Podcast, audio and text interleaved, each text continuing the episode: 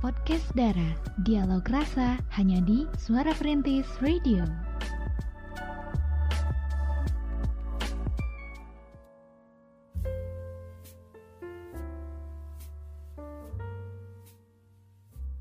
Sembilan tiga poin satu FM Suara Perintis My City My Radio Jekrem luar biasa Assalamualaikum warahmatullahi wabarakatuh Selamat malam pemerhati semuanya apa kabar nih di malam hari ini? Nah, ketemu lagi di acara podcast Dara. Dialog rasa. Bareng Kay di sini. Ada Cira, ada Emma, ada Via di sini. Nah, kita berempat nih pemerhati bakalan temenin pemerhati sampai jam 9 di podcast iya, Dara. Hmm. Tapi iya.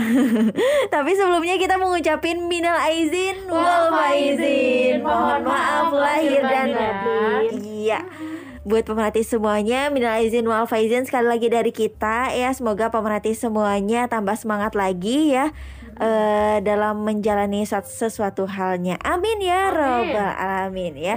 Nah guys kira-kira kita bakal bahas apa di sini ya? Kita bakal bahas satu tema yaitu temanya kasih tahu dulu nggak nih? Kasih tahu dong, ah, iya dong. oke deh temanya adalah terpaksa mencintai. Wow, wow. dalam banget ya. Mungkin ini lebih ke arah dijodohkan gitu kali ya. Hmm. Hmm, pasti berat sih kalau misalnya belum ada cinta tapi dipaksa tumbuh cintanya.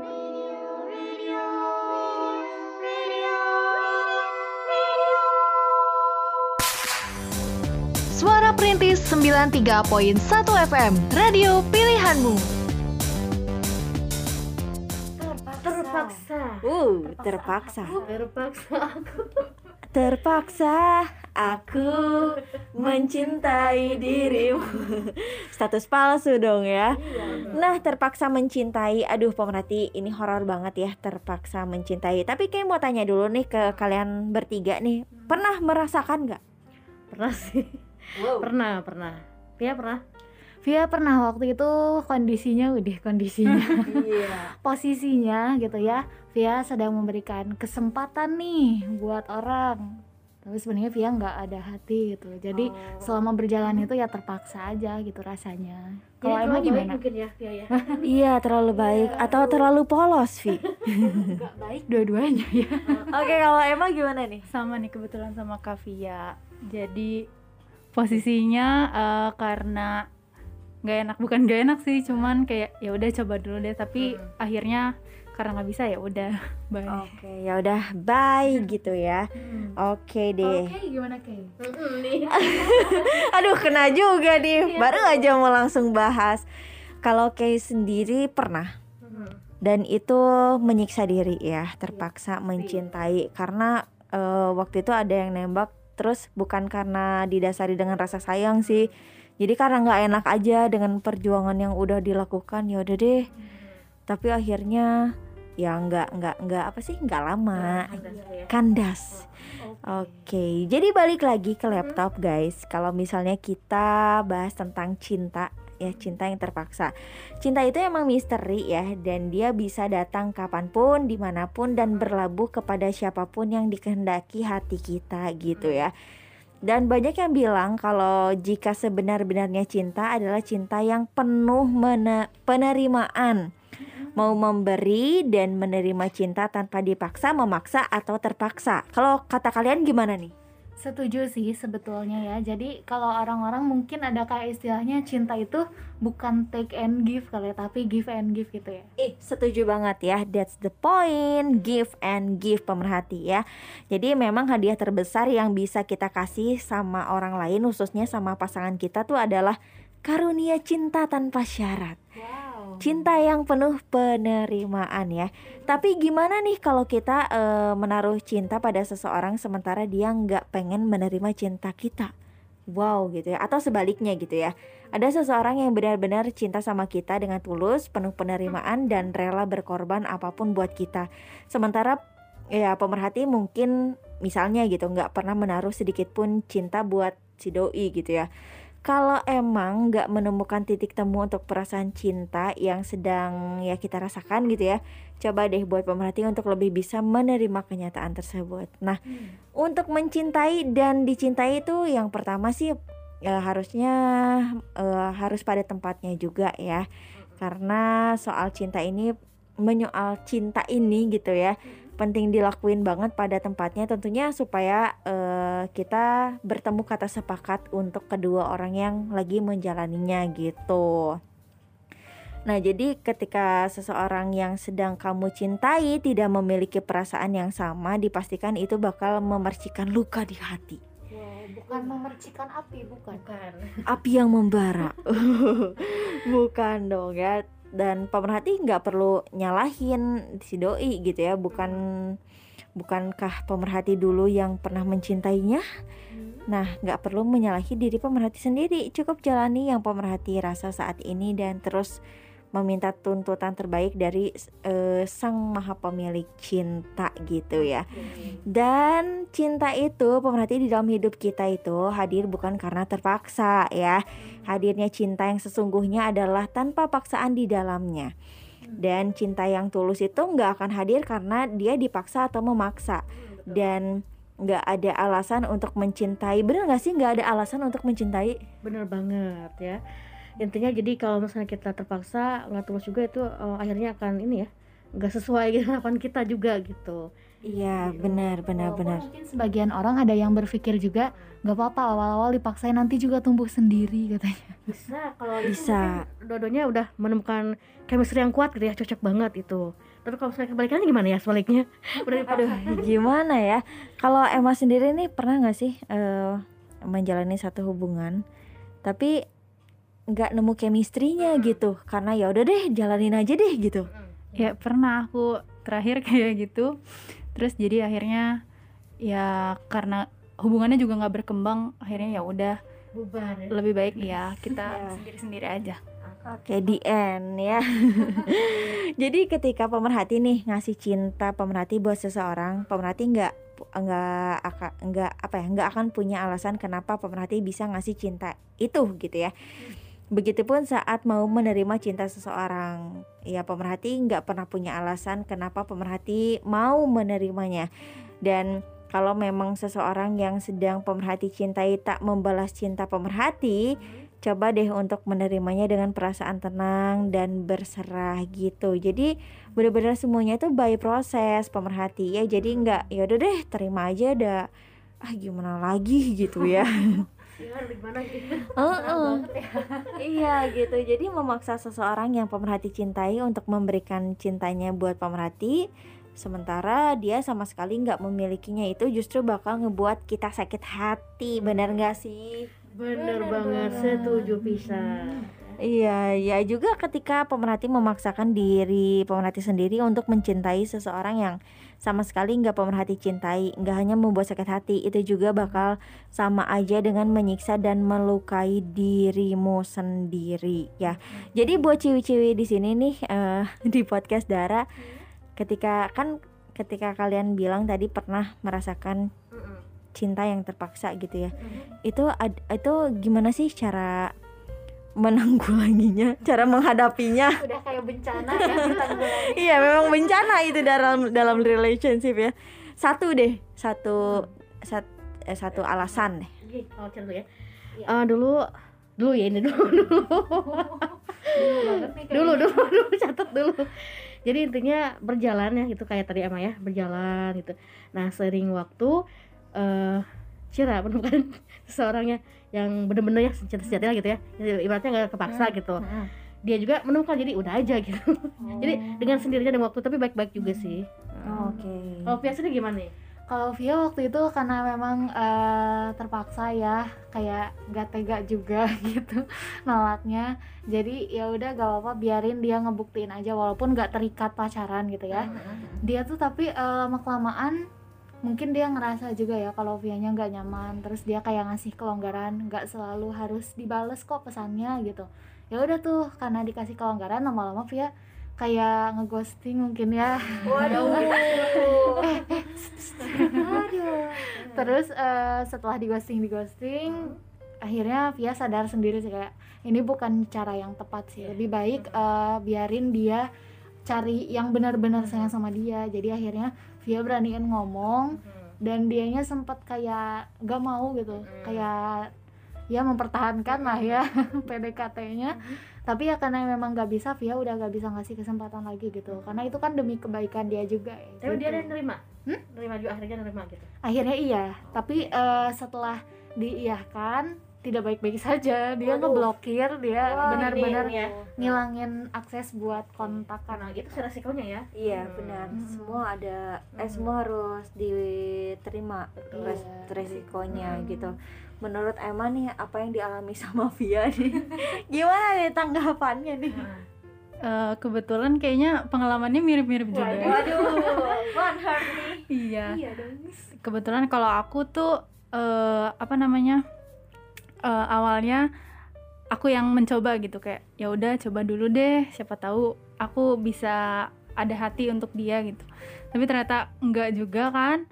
Terus malah akhirnya gitu dan kalau menurut aku sih ya lebih baik eh, bilang bicara baik-baik gitu ya. Walaupun walaupun aku waktu itu nggak seperti itu caranya dan aku agak nyesel juga sih eh, kalau misalkan nggak ada kepastian aku nggak ngasih kepastian untuk dia dan eh, ya lebih baik itu bicara baik-baik walaupun ya harus tanggung resiko yang terjadi.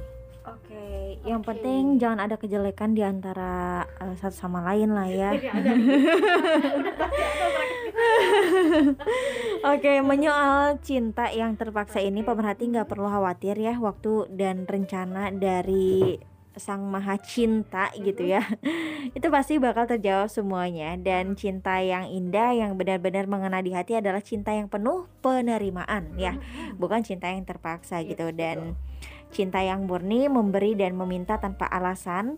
Cinta yang murni hadir tanpa dipaksa ataupun pemaksa itulah eh, sedikit gambaran dari tema hari ini.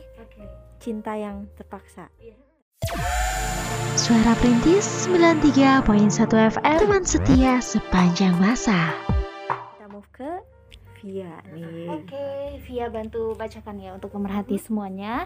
Ini dari Indah. Katanya Indah nih sebenarnya bukan tentang persiapan pernikahan dia. oh, jadi mungkin temannya ya. Bahkan eh, katanya Indah ini nggak pernah pengen terlibat dalam suatu hubungan buruk dengan siapa pun. Tidak akan. Karena rasanya sangat mustahil bagi Indah untuk mempercayai gagasan soal dua manusia yang sangat berbeda hidup bahagia selamanya dalam sebuah ikatan pernikahan. Wah, dalam banget ya. Ini tentang persiapan pernikahan teman baik katanya ya. Oke, namanya Ana. Ini adalah nama samaran ya, by the way. Oh ya siap. Kami baru lulus sekolah selama beberapa bulan saat Ana menyuruhku untuk datang ke acara lamarannya. Aku masih ingat gimana dia bingung sekaligus seneng ada tergambar di wajahnya pas dia membicarakan hal itu. Dia seneng banget karena akhirnya impiannya menikah sebelum umur 20 bakal jadi kenyataan. Tapi dia juga bingung karena dia nggak memenuhi impiannya menikah. Maka tidak akan yang membantu membiayai sekolah adik bungsunya yang baru masuk SMP. Oke. Jadi sebagai teman yang baik, Indah ini cuma bisa mendukung apa yang sudah Ana putuskan. Jadi aku datang ke rumahnya yang kebetulan gak jauh dari rumah aku. Aku bantu ibunya eh, buat mempersiapkan segalanya, makanan sampai membantu anak mengancingkan gamisnya yang memang ada banyak sekali kancingnya. Jadi pas keluarga pacarnya datang, aku baru tahu kalau orang yang akan menikahinya adalah orang yang berbeda dan orang ini terlihat jauh lebih dewasa daripada Ana. Orang itu lebih pantas jadi pamannya mungkin ya. Aduh, ketimbang calon suaminya. Oh. Nah, setahu Indah, Ana ini masih berpacaran sama Andi katanya teman masa kecil yang sekarang udah kerja dan dua bulan dan di bulan depan mereka itu genap dua tahun berpacaran. Setelah proses lamarannya selesai, Ana baru menceritakan kejadian yang sebenarnya. Orang yang barusan menyematkan cincin ke jari manisnya adalah Indra, kerabat jauh dari pihak ayahnya yang telat menikah karena terlalu sibuk mengurusi lahannya yang sangat luas. Jadi dia dijodohkan oleh ibunya karena penghasilan ibunya dari berjualan itu masih tidak cukup untuk memenuhi kebutuhan sehari-hari. Jadi mau nggak mau, Ana menyetujui perjodohan itu dan mengakhiri hubungannya dengan Andi. Ana pikir mungkin itu adalah satu-satunya jalan keluar untuk menyelesaikan masalahnya dia. tapi ini berat sih ya kayak di film ya iya kayak di film ya iya tapi ternyata beneran ada ya tapi biasanya yang diangkat ke film ada sih fenomena aslinya mungkin ya dan berarti eh, film-film yang biasa kita tonton itu emang berdasarkan dari kisah nyata sih kayaknya ya. Iya, kayak soalnya ini relate banget ya sama kisahnya dari Indah, tapi ini bukan kisahnya Indah, tapi kisahnya anak gitu. Oke. Jadi anak ini memutuskan untuk berhenti bekerja dan fokus persiapin pernikahannya dia yang bakal digelar bulan depan. Indah yang kerjanya ini untuk saat ini freelance gitu ya. Dia bikin eh, persiapan pernikahannya. Eh dia ngebantu persiapan pernikahannya, mulai dari nulis daftar undangan, nemenin ke pemilik rias, pengantin, terus juga ngebantu ibunya bikin kue-kuehan, makanan hajat lainnya sampai eh, mengemasi pakaiannya Ana. Dan juga eh, pemerhati Indah ini em, untuk keluarganya anak maksudnya ya. Dia itu memutuskan untuk menjual rumah peninggalan ayahnya dan ikut barengan sama suaminya nanti yang bakal tinggal di satu kota besar. Nah, karena banyak sekali hal yang harus dilakukan untuk pernikahannya anak, Indah sampai sering menginap di rumahnya dan berbagi tempat tidur dengannya. Kadang-kadang dia ngedengar suara anak nangis tapi terredam oleh bantal atau sekedar merasakan badannya ini kayak bergetar gitu ya karena tergisak-gisak. Nah, untuk Indah sendiri sebetulnya lebih sering pura-pura nggak tahu daripada ngasih pelukan semangat. Karena setiap kali bakal ngasih pelukan atau sekadar mengusap pundaknya, nangisnya makin menjadi-jadi. Dan itu bikin aku ikutan nangis. Sehari sebelum pernikahan, undangan ibunya mulai berdatangan ke rumah dan ibunya juga mulai datang ke sana ke kondangan gitu ya. Sementara Indah nggak bisa datang karena Indah punya banyak banget gitu kerjaan belum selesai. Indah udah ngirimin pesan singkat lewat WhatsApp pada Ana soalnya kerjaannya nggak bisa ditunda-tunda lagi gitu. Nah waktu itu Indah berpikir kalau Ana sedang sibuk menerima tamu ibunya jadi nggak sempat ngebalas pesan dari Indah. Ternyata dugaan Indah salah. Ana tiba-tiba masuk ke kamar Indah dan mengajak Indah untuk pergi ke Bali seperti yang udah direncanakan. Oh, jadi ini ada unsur ingin melarikan diri juga mungkin ya dari pihak Ana gitu. Dia bilang kalau dia nggak pengen nikah sama cowok yang 9 tahun lebih tua dari dia dan benar-benar gak kenal dia sama sekali. Dia masih sangat cinta Andi dan itu bikin dia nggak sanggup buat melanjutkan keinginan ibunya. Nah, karena Indah ini masih terkena serangan jantung ringan mungkin ya mendengar ajakan Ana, Ana juga coba menan- menangin dia. Nah, akhirnya Indah ngasih tahu nih buat nggak bersikap gegabah dan memikirkan kembali dampak yang bakal diterima sama ibunya kalau misalnya emang dia benar-benar kabur ke Bali. Dan kalau misalnya emang benar-benar pergi ke Bali, tabungan Indah itu nggak cukup buat ngasih biaya hidup eh, buat mereka berdua gitu ya selama di sana. Sementara Indah sendiri belum dapat pekerjaan di sana. Ya walaupun eh, Indah tahu kalau Indah bakal gagal buat ngeyakinin anak, tapi Indah sangat berterima kasih kepada Tuhan karena akhirnya Ana bersedia balik ke rumahnya pas udah nangis-nangis dan nolak buat ngelanjutin permintaan ibunya selama kurang lebih satu jam di kamar Indah. Dan syarat Indah tetap menemaninya sampai hari pernikahannya. Jadi Indah nganterin Ana pulang ibunya terlihat panik banget. Pas Ana pulang langsung dipeluk gitu ya dan juga berterima kasih sama Indah karena udah nganterin anaknya pulang. Jadi malam itu Indah terpaksa harus nemenin eh, Diana eh maks maksudnya anak gitu ya waktu iya anak saat ngasih ibunya semuanya. Jadi ibunya ini nangis hebat dan minta maaf ke anak karena udah ngorbanin kebahagiaan anaknya eh, demi menyelamatkan keluarga kecilnya gitu ya. Jadi ini akhirnya benar-benar menikah sama orang yang 9 tahun lebih tua daripada dia. Dan tentunya ini adalah eh, kisah yang tidak membahagiakan gitu ya. walaupun mungkin ketika kita mendengar kata pernikahan yang terlintas itu hari bahagia. Tapi untuk Ana mungkin belum gitu Sebaliknya ya. gitu ya. Sebaliknya. sebaliknya. Jadi gimana ya? Kalau menurut Via sih ada beberapa kondisi yang tidak bisa dihindarkan mungkin ya. Ketika kita harus mencintai seseorang mau tidak mau gitu ya dan apalagi posisinya anak ini susah juga ya harus bantuin orang iya. tuanya iya. harus keluarga hmm, gitu ya bantuin adiknya sekolah juga hmm. jadi dia harus mengorbankan kebahagiaannya nah hmm. tapi kalau menurut Via selama anaknya mungkin masih berusaha untuk bangkit gitu ya nggak terus menerus terpuruk mungkin nanti bakal ada titik cerahnya gitu di mana anak juga sebenarnya nggak um, sepenuhnya mengorbankan kebahagiaan gitu. Melainkan anak juga bisa bahagia dengan cara anak yang lain gitu. Gimana ya? Kalau hmm. menurut Via walaupun agak berat sih ya pasti berat banget iya. itu. curhat yang ini ya yang paling iya, wow yang paling iya benar-benar yang paling iya.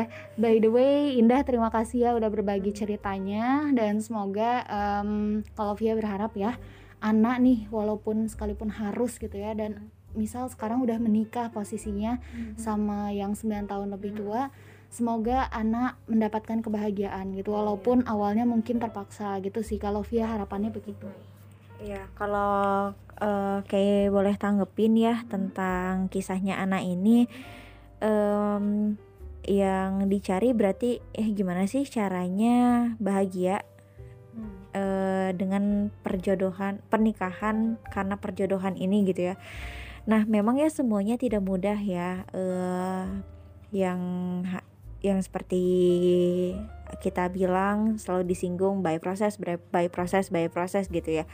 Nah, coba anak melakukan bisa melakukan hal beberapa hal gitu ya misalnya screening kepribadian gitu ya. Hmm. sambil menjalani sambil Ana juga observasi gitu ya. Oh oke okay, ternyata orangnya kayak gini seperti ini. Siapa tahu mulai dari situ Ana uh, mulai bisa menerima lah sedikit-sedikit gitu kan.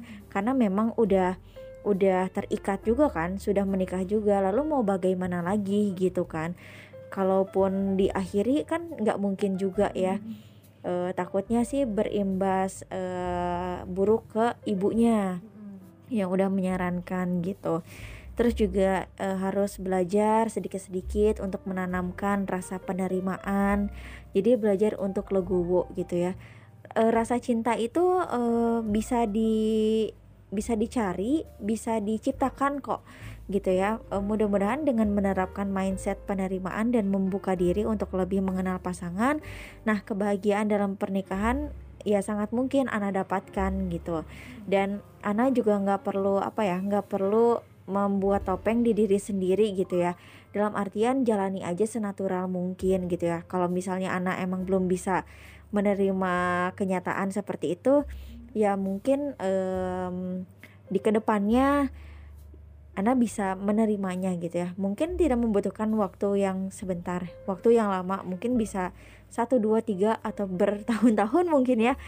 Ya, who knows gitu ya. Hmm. Bisa aja anak uh, siapa tahu nanti bisa menerimanya gitu. Hmm. Dan juga yang paling terpenting sih harus meningkatkan spiritualitas juga ya. Jadi gak hanya meningkatkan kuantitas ibadah tetapi juga bisa memak bisa dengan memaknai kehidupan. Misalnya dengan bersyukur terus juga menanamkan mindset bahwa orang tua menjodohkan anak nggak lain karena ya apa ya e, mikirnya ke peduli dan sayang gitu aja deh gitu ya. Dan anak juga mikirnya e, ya udah ini untuk e, kebaikan semuanya gitu.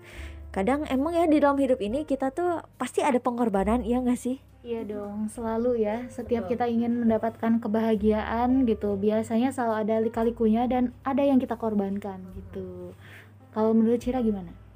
Kalau menurut Cira sih uh, tadi benar juga ya kata Ke gitu ya. Hmm. Kalau saya itu anak pengen, anak teri ya, anak hmm. anak pengen uh, apa? korbankan ya kebahagiaannya demi keluarga gitu. Kalau misalnya pengen apa namanya intinya uh, anak sendiri misalnya pengen nolak secara halus gitu ya nolak secara halus omong uh, diomongkan aja gitu diomongin ke keluarganya terutama ke terutama ke ibunya ya ke ibunya bahwa misalkan uh, dia tuh udah cinta baratnya berat ke Andi gitu ya Andi ya hmm. cinta berat ke Andi susah uh, susah dipisahkan uh, dan diyakini juga keluarganya bahwa anak sama Andi ini bisa ke depannya gitu bisa kayak misalnya mencari kerja gitu ya untuk keluarga pokoknya uh, pokoknya uh, tulang punggung lah gitu ya benar-benar berjuang untuk keluarga bisa juga dikatakan seperti itu gitu ya. Jadi ini uh, ada di anak juga keputusannya gitu. Jadi yeah. Iya. uh, tergantung anak sendiri gitu ya. Mau yang mana nih kalau saya anak uh, benar-benar uh, menghargai ibunya gitu ya me, apa pengen mengorbankan kebahagiaannya ya udah udah sampai Andi udah gitu ya. Lupakan aja. Walaupun berat gitu ya. Iya, pasti betul. susah sulit juga. Tapi kalau misalkan uh, anaknya punya inisiatif apa sesuatu yang lain gitu ya punya pemikiran yang lain juga sok silakan. Karena kan ini nggak main-main gitu ya ke depan yeah. jadi ini perjalanan hidup tuh gak main-main jadi sok kalau mau mau kalau enggak enggak gitu ya jadi omongkan saja baik-baik juga sama ibunya yakinkan bahwa kalau misalnya tadi masalah ekonomi ya perekonomiannya hmm. bisa diatasi dengan misalkan si anaknya nanti kerja atau gimana kerja keras sama Andi atau gimana bareng ya hmm. nanti bisa insya Allah dah pokoknya ini intinya ada di anak lagi gitu ya balik lagi ke anak gitu Iya benar. Emang balik lagi ke Ana gimana uh, Ana bisa memberikan pengertian kepada sang ibu ya. Meskipun sekarang uh, nasi udah menjadi bubur ya, udah terikat, uh, udah terikat dalam satu pernikahan yang di mana itu adalah sakral ya. Uh, kalau misalnya Ana masih apa ya ingin berusaha untuk menjalaninya ah siapa tahu nih aku bisa menerimanya suatu saat nanti. Ya udah jalanin aja dengan skill eh dengan skill dengan screening hmm. kepribadian tadi. Terus juga kalau misalnya Ana udah bener-bener nggak kuat mendingan Ana jujur nah, aja. Iya, mendingan Ana jujur aja dan uh, benar-benar harus mempersiapkan mental, hati dan pikiran untuk memberikan pengertian kepada ibu gitu kepada keluarga. 93.1 FM. Oke sip deh pemerhati tadi kita udah bahas uh, secara garis besar ya terpaksa mencintai itu ya seperti apa gitu ya. Terus juga tadi ada curhatan dari Indah juga yang menceritakan tentang hal yang berat gitu ya tentang kak, kisah anak dan uh, sekarang pastinya pemerhati pengen tahu dong tanda-tanda ya.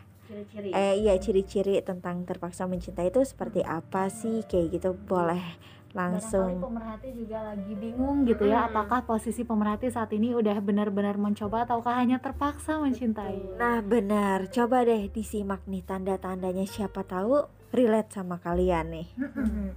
Iya dan pastinya kita nggak tahu ya tentang hubungan seorang gitu ya itu ada yang terpaksa atau enggak. Kayaknya kalau kita misalnya lihat orang lain gitu uh, langgeng yang romantis. Tapi nggak tahu juga kan hatinya mereka dalam hubungan itu ada suatu keterpaksaan gitu ya. Nah untuk semuanya nih yang supaya tahu ataupun uh, pengen lebih uh, jauh lagi ya mengenai ciri-ciri pacar yang terpaksa dalam menjalankan suatu hubungan ya dengan kamu sendiri gitu. Karena tidak semua orang yang berpacaran itu benar-benar menikmati hubungannya ya. Hmm. ada juga orang yang merasa terpaksa menjalankan hubungan tersebut entah karena kasihan malu juga atau ingin jomblo terlalu lama. Membuat seorang tuh terpaksa berpacaran gitu ya. Ada yang jomblo terlalu lama di sini. Nah jika pacar uh, pemerhati menjalin hubungan karena terpaksa juga pemerhati akan menemukan dan merasakan beberapa tanda atau ciri gitu ya. Nah yang pertama ini misalnya nih uh, berkencan gitu ya ataupun uh, ngedate gitu ya maksudnya ngedate ini hanya menjadi formalitas belaka jadi oh. ah formalitas gitu ya enggak enggak sesungguhnya gitu ya Ah, ngedate ini adalah aktivitas yang mungkin disukai oleh orang yang sedang berpacaran. Benar nggak sih? Ayo iya, ngaku. Iya, Apalagi nih. Nanti nanti itu bertemu gitu ya. Ah, gitu. Uh, selain membuat pemerhati dan pacar bahagia, aktivitas ngedate juga ini bisa bermanfaat untuk meningkatkan kedekatan ya dan saling mengenali satu sama lain gitu. Dan seorang yang merasa terpaksa untuk berpacaran ini akan merasa malas dan enggan untuk berkencan atau ngedate itu sendiri ya. Hmm. Sekalipun itu hanya ngedate sederhana lah gitu ya seperti nonton film ya ataupun jalan bareng dan sebagainya gitu. Uh, bukannya pacar tidak menyukai kegiatan kencan ataupun ngedate gitu namun uh, dirinya tuh enggan bertemu denganmu gitu dengan pemerhati. Tentu saja hal ini dikarenakan si dia tidak merasakan ketertarikan ataupun kedekatan emosional pada pemerhati itu. Ya, jadi istilahnya ya deh kepaksa gitu ya, formalitas saja dia biar dia seneng gitu. Padahal enggak gitu ya dia nggak suka sama kamu gitu sama pemerhati semua. Kemudian juga selain uh, tadi jadi pemerhatilah yang kerap berinisiatif untuk menentukan pilihan gitu. Jadi bukan pasangan ya jadi uh, hati semua gitu. Terkadang seorang memilih mengikuti pilihan orang lain dibanding mengutarakan pilihannya ya lantaran merasa sungkan gitu ataupun tidak mampu memutuskan. Nah hal ini juga pemerhati suara perintis berbeda dengan pacar yang telah uh, yang terlihat tidak berinisiatif untuk menentukan ataupun memberikan ide gitu. Jadi diem aja gitu ya. Jadi lempeng gitu. ide ngeliat saja misalnya ya semua ada di tangan pemerhati. Jadi kan kayak malas gitu ya, kayak malas aja gitu. Nah uh, pacar itu terkesan hanya patuh dan mengikuti pilihanmu. Ini terjadi bukan ter bertujuan agar kamu merasa istimewa bukan ya. Namun karena dirinya tuh sebenarnya terpaksa gitu. Hmm, mungkin kayak uh, lebih ke arah mager kali ya. Mager untuk hmm. berdiskusi. Nah itu mager untuk um, merencanakan segala sesuatu hmm, yang jadi, berkaitan dengan pemerhati iya, jadi masuk aja gitu ya mungkin hawanya ya suasananya. Boro-boro mau quality time gitu ya mau ngobrol bahas ini itu aja mau jalan aja males gitu jadi ya ya iya aja dia jadi ya udah deh ya udah deh gitu kali ya lebih ke gitu pasti kan kita juga bete ya, ya lebih pasrah ya Kemudian juga nih, namun dia terus bertanya apakah kamu uh, ingin mengakhiri hubungan alias putus? Ini aneh juga kan ya. Yeah. Jadi uh, terus saja semua orang yang berpacaran ya tidak menginginkan kan perpisahan atau putus ya dengan orang yang dicintai. Benar nggak Pia? Iya dong, pasti pengennya langgeng ya. Kalau iya. kita saling mencintai apalagi kayaknya hmm, manis banget terus gitu ya. ya. Benar-benar. Apalagi kalau misalnya udah punya target ya, wah, wah udah paling asik banget gitu. Hmm. Nah, di sini mematahkan hati seorang dengan kata putus tentu ada tentu saja ini adalah hal yang tidak nyaman ya untuk dilakukan. Jika pacar pemerhati kerap bertanya pada pemerhati mengenai putus, hubungan atau vakum, Nah, berarti harus, waspada ya ini ya. harus harus selalu iya. hati-hati juga. Oh, hubungan itu bisa vakum ya? Uh -uh. Bisa, bisa, bisa. Oh, ya istilahnya break up dulu uh, uh, gitu. Nah, juga berarti tanyakan alasannya kepada pacar ya. Pertanyaan mengenai keinginan untuk menyudahi hubungan bisa menjadi pertanda bahwa sedia sebenarnya terpaksa berpacaran dengan pemerhati ya. Jadi menyakiti hati pemerhati mungkin bukan permasalahan yang besar juga. Jadi kayak enteng banget ya menyakitinya gitu. Jadi itu tanda-tanda atau ciri-ciri yang terpaksa hubungan yang terpaksa itu seperti itu ya. Kemudian juga dia terlihat mendekati orang lain atau menunjukkan tanda-tanda selingkuh. Wah. Aduh, uh, aduh, aduh, aduh, aduh, aduh, langsung panas di sini nih. Nah seorang yang berpacaran secara terpaksa biasanya akan mencari orang lain gitu ya.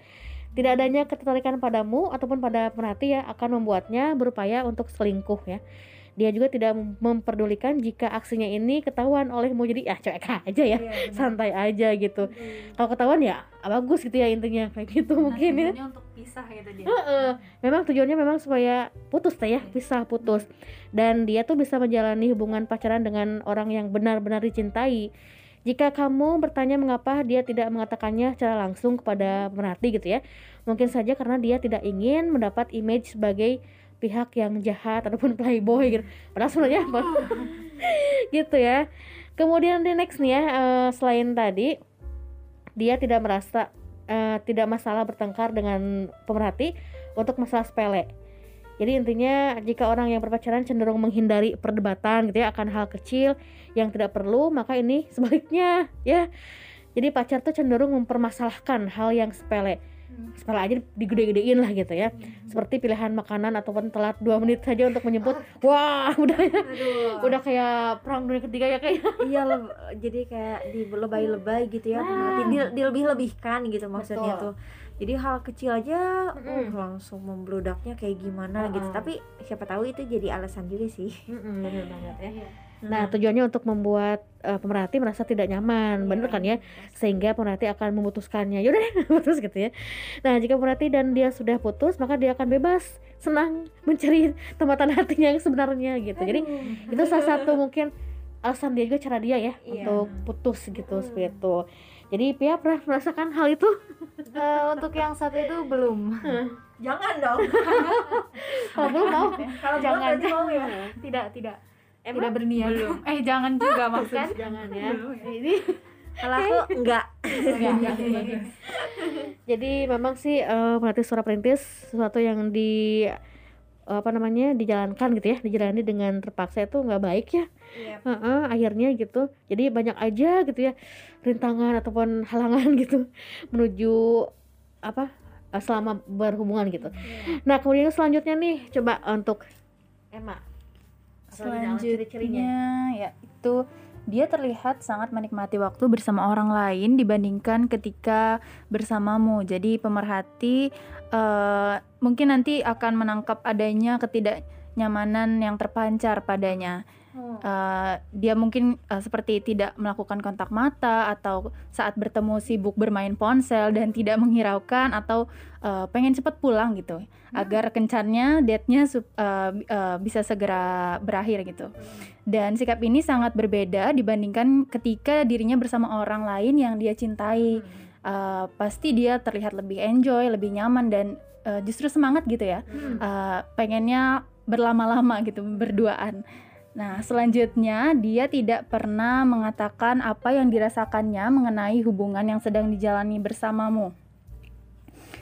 Uh, ada kalanya uh, pemerhati dan pacar mungkin saling berbicara dari hati ke hati mengenai perasaan yang dirasakan masing-masing. Hmm.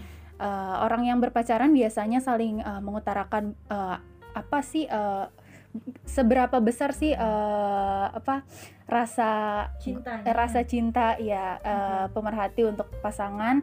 Dan sayang sekali kalau untuk uh, di kasus ini gitu ya uh, mungkin uh, pacar atau pasangan pemerhati nampaknya tidak akan pernah uh, mengutarakan perasaannya karena ya itu ditutupi supaya nggak kelihatan jahat yang tadi Kak Cira bilang. Jadi kita nggak pernah tahu nih gimana uh, perasaan uh, pasangan kita terhadap kita. Lalu selanjutnya yaitu selalu menghindari topik yang sensitif dan dalam. Jadi oh. supaya uh, apa mungkin nggak ter nggak hubungan yang nggak berlanjut uh, jauh. Jadi hmm. uh, topiknya cukup yang ringan-ringan aja, nggak mau bahas yang dalam-dalam gitu mungkin. Jatuhnya romantis, kan dia suka suka romantis. Iya, iya betul. jatuhnya ini kayak hmm. mencari konflik ya. Iya. Nah, Aduh, padahal sebetulnya deep talk itu perlu ya kalau misalnya yeah. pemerhati ada dalam sebuah hubungan, apalagi pengen hubungannya berkembang, Betul. sukses, bahagia gitu ya. Pasti kedua belah pihak ini saling meluangkan waktu buat deep talk. Tapi -hmm. kalau ada yang nggak mau nih harus dicurigai ya betul tapi misalnya kalau sekali nggak mau misal karena mungkin ada kesibukan oke okay lah hmm. tapi kalau misalnya tiap diajak enggak enggak terus ngobrolnya tuh yang ya nonsens nonsens hmm. gitu berarti, ya itu pertanda mungkin iya, berarti itu harus dicurigai ya, ya. harus ditelusuri juga kenapa nih betul. gitu Ya, mengetahui fakta ini bahwa mungkin uh, pasangan pemerhati menjalin hubungan yang secara terpaksa hmm. uh, akan sangat menyakitkan. Jadi lebih baik uh, daripada terus berpura-pura, uh, lebih baik ya kita sudahi aja dengan cara yang baik-baik gitu. Oke, setuju banget pemerhati semuanya ya. Jadi uh, jangan sampai kita menjalani satu hubungan yang ya meskipun itu terpaksa tapi berakhir ada berakhirnya gitu ya. Hmm di akhirnya itu ada kejelekan kejelekan satu sama lain terus satu uh, antar satu sama lain sama-sama menaruh dendam, dendam dan benci. Kalau misalnya kita terus memelihara dendam dan kebencian di dalam diri kita ya hmm. itu apa yang gak baik ya buat diri kita buat kesehatan mental jiwa raga fisik. Semua nggak baik banget buat kita dan kita juga tidak akan menjadi orang yang produktif. Terus saja kita memikirkan hal-hal yang uh, membuat kita sakit hati hmm. gitu ya. Tapi uh, uh -uh. sepertinya ada banyak juga ya kondisi di mana orang-orang ini kayak terpaksa mencintai tapi seiring berjalannya waktu ya mereka saling mencintai yeah. gitu. Ada juga mungkin ya. Walaupun mungkin ada sih, ada sih, ada. Uh, Kayaknya jarang banget ya. Kalau di zaman-zaman uh, sekarang mungkin kita apa ya? Emang jarang ngedengarnya hmm. gitu ya mungkin itu jadi jadi min, jadi kisah yang minoritas juga ya hmm. tapi kalau zaman zaman dulu sih emang perjodohan tuh kan banyak ya hmm. uh, bahkan kalau uh, kayak bisa runtut di keluarga gitu ada ada juga yang benar-benar dijodohkan gitu dan benar-benar mereka tuh nggak kenal dan akhirnya mereka bisa menjalani hubungan pernikahannya dan ya melahirkan anak gitu langgeng indah, sampai sekarang indah. Dan itu berarti uh, skill eh skill skill mulu ya. Dan itu berarti screening uh, pendekatannya itu berhasil gitu. Mungkin karena uh, ya kan kita nggak tahu takdir dari Tuhan ya. Iya, maksudnya bener. didatangkan dengan cara seperti apa. Ya mungkin itu juga bagian dari takdir. Dan kalau kita bisa menerimanya uh, dengan ikhlas ya kita pasti akan uh, mendapatkan kebahagiaan suatu hari nanti.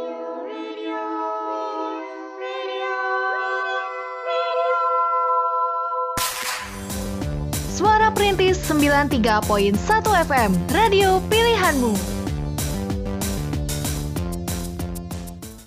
di podcast Dara Dialog Rasa. Wih, pemerhati semuanya nggak kerasa banget ya Kita udah banyak banget ngobrol, membahas Tentang tema hari ini yaitu apa, gengs? Terpaksa mencintai. Coba ada yang bisa eh, buat lagu dadakannya nggak nih, Cira? Terpaksa. Jadi dangdut ya. Oke deh pemerhati tadi eh, kayak udah share Terus juga Via juga udah menyampaikan curhatan dari Indah. Ada penjelasan dari Cira dan Emma juga tentang tanda-tanda ya. Eh, Terpaksa mencintai itu seperti apa. Nah siapa tahu pemerhati di rumah ini eh, benar-benar apa ya eh, ngena banget ya gitu ya eh, dengan obrolan kita boleh langsung eh, memberikan tanggapannya di mana Vi? Di SMS atau WhatsApp 081388880931. Dan juga di Instagram kita @suaraperintis underscore. suka bumi Iya betul banget langsung DM aja ya pemerhati. Oh iya eh, bisa diisi juga question box yang udah kita siapin di Insta Story kita ya. Nah tentang terpaksa mencintai ini emang benar-benar seru banget dan emang kita eh, dibawa balik lagi ya ke abad ke-20 dengan ceritanya dari Indah yaitu eh, kisahnya Siti Nurbaya ya yang dijodohin sama orang tuanya gitu. Tapi em, kalian sendiri ini pernah nggak sih ngedenger cerita eh, Siti Nurbaya ini? Ini cerita legenda ya? Iya. Eh, judulnya sih pernah, tapi isi ceritanya belum. Isi belum lahir ya? Kalau Cira gimana nih? iya pernah sih pernah pernah pernah gitu ya Eh, dan kalau tapi cerita lupa lagi ya agak lupa lupa juga gitu isti eh, apa ceritanya yang pasti eh, apa namanya eh, akhirnya sih berakhir sampai serius gitu ya nikah gitu tapi emang akhirnya nggak ini nggak baik gitu Nggak bahagia ya karena iya, memang aha. karena ini- ending ya? karena eh, dijodohkan dengan orang yang tua kayak aki-aki gitu Ya loh. saudagar kayak itu Heeh, kan. tapi udah tua banget gitu Ya Intinya. seperti itu pemerhati ya. Eh, memang kalau misalnya kita jadi ingat lagi ya kita kalau lihat sinetron sinetron kayak gitu ya dijodohin segala macam kayak gitu ya itu juga berdasarkan dari kisah atau pengalaman yang nyata mungkin ya. Jadi diangkatlah ke sebuah film gitu. Tapi Via jadi keinget ini deh kisah yang mungkin em, teman-teman millennials ya pasti pada ngeh juga Beauty and the Beast. Oh. Ini juga kayaknya terpaksa mencintai deh, walaupun itu kayak happy ending gitu ya. Dia terpaksa Iya. mencintai karena Beast itu kan monster ya, Iya. mengerikan dan dia harus menghabiskan bermalam-malam di kastil punya si monster Iya. itu gitu ya. Tapi eh, karena mungkin perlahan-lahan dia kenal si Beauty-nya ini. Beauty-nya namanya siapa sih? Lupa, lupa. Ya, Oh, lupa deh. siapa ya? Eh, Bele, Bele kalau nggak salah. iya. Mm-mm. Iya, bela betul. Bele. Bele atau Bel ya? Bel, bel, Bel. Kalau Bella yang di mana? pelangi gitu ya. Oke, berarti nah kalau yang eh, di sini kan kasusnya Bel itu jadi kenal si bisnya, Iya. bisnya ternyata orang baik, Bener. ya nggak kayak orang-orang omongin. Akhirnya ya tumbuh percikan-percikan Rasa cinta, Iya, gitu betul. ya. Aduh kok Yang- jadi greget sendiri. Yang awalnya dia tuh underestimate dengan apa ya tampilannya yang dia Iya. tuh seorang monster yang padahal dia tuh dikutukan ya Mm-mm. Heeh, dikutuk dan akhirnya happy ending juga ya Iya, jadi memang selalu ada dua ending ya dan itu tergantung kitanya gitu. Kita pengennya happy ending atau sad, ending. Mungkin kalau misalnya pemerhati udah mulai lelah dan benar-benar gak bisa toleransi lagi dan hubungan pemerhati yang memang terpaksa gitu ya. Benar tadi kata Cira, Kay dan juga Emma, jangan dipaksakan, lebih baik akhiri saja tapi dengan cara yang baik gitu ya. betul. Dengan cara yang baik dan jangan sampai ada kejelekan satu sama lain sampai seperti itu. dendam dendaman dendaman gitu. Iya. Dendam. Waduh di blok semua sosmed terus juga dicegat di gang depan. Iya udah parah lah. Jangan sampai lah Kita harus sikapi semuanya dengan eh, bijak Dan juga dewasa ya. Tapi meskipun pemerhati masih dengan egonya masing-masing Pokoknya nggak mau tahu gue harus putus segala macam ya. Eh, Tolong dipertimbangkan dengan baik juga ya. Kalaupun itu mau putus Kalaupun mau dilanjut tolong dengan tindakan yang benar-benar eh apa ya? Manusiawi. Benar-benar iya benar-benar bijak gitulah ya. Nah pemerhati semuanya aduh ya emang ya terpaksa mencintai ini adalah hal terberat dalam hidup kita ya. Dan semoga aja pemerhati di rumah ya um, apa ya nggak nggak nggak nggak lagi mengalami ini gitu ya. Karena ini benar-benar eh iya kondisi yang berat. Berapa kilo Vi? Eh, kayaknya lebih deh ratusan. Iya pemerhati Eh, jadi kalau misalnya pemerhati nggak bisa mengatasinya itu bisa ya berujung fatal lah buat diri pemerhati sendiri buat kesehatan mental kita kesehatan fisik kita juga dan kita juga kalau misalnya mau beraktivitas juga kan jadi nggak nyaman juga ya jadi nggak fokus juga. Jadi intinya sih dari semuanya ya kalau misalnya kalian lagi ada di zona terpaksa mencintai eh, itu balik lagi ke diri kalian sendiri. Mau sad ending atau happy ending? Jadi jangan sampai ragu-ragu ya. Pun harus tegas gitu ya, mau maju Benar. atau mundur gitu. ya. Sok aja pemerhati jujur aja ya jangan membohongi diri sendiri ya. Jangan sampai pemerhati eh, pasrah juga ya karena ya takdir hidup kita itu kita yang nentuin kita yang jadi supirnya di situ. Jadi jangan ya udahlah gimana nantilah bukan gimana nanti nanti gimana Iya, gitu betul. kan ya atau mungkin ada juga yang ya. eh, kayak gini ya gimana orang tua aja deh saya mah ngikut lah. jangan dong. kita itu di dalam hidup itu harus punya pendirian pemerhati walaupun emang kita harus berbakti sama orang Iya. tua tapi kan ya kita Tapi kan kita berhak berhak bahagia, berhak bahagia gitu. iya ber ber ber Jadi karena ke depannya kan kita yang jalan nih gitu ya. benar gitu ya meskipun memang eh, kita nggak boleh membantah orang tua tapi kan eh, setidaknya ini kita yang menjalani ya Iya. orang tua hanya mendoakan dan mendampingi gitu ya Iya. Oke, pemerhati semuanya. Jadi itu dia ya seru temanya. banget deh ini. Iya, betul Terpaksa mencintai dan kebetulan kita berempat juga punya pengalamannya ya walaupun Iya. semuanya side ending sih ini. Tidak ada yang jadi bersama gitu ya get along. Tapi nggak apa-apa deh pemerhati yang pasti kita juga eh, berharap pemerhati eh, selalu dalam keadaan yang baik ya hubungan pemerhati baik-baik saja. Tidak ada yang namanya terpaksa mencintai Iya. ataupun bahkan em, semi terpaksa. Karena ada aja sih yang kayak setengah-setengah itu tadi kata Cira ya. Oke pemerhati semuanya.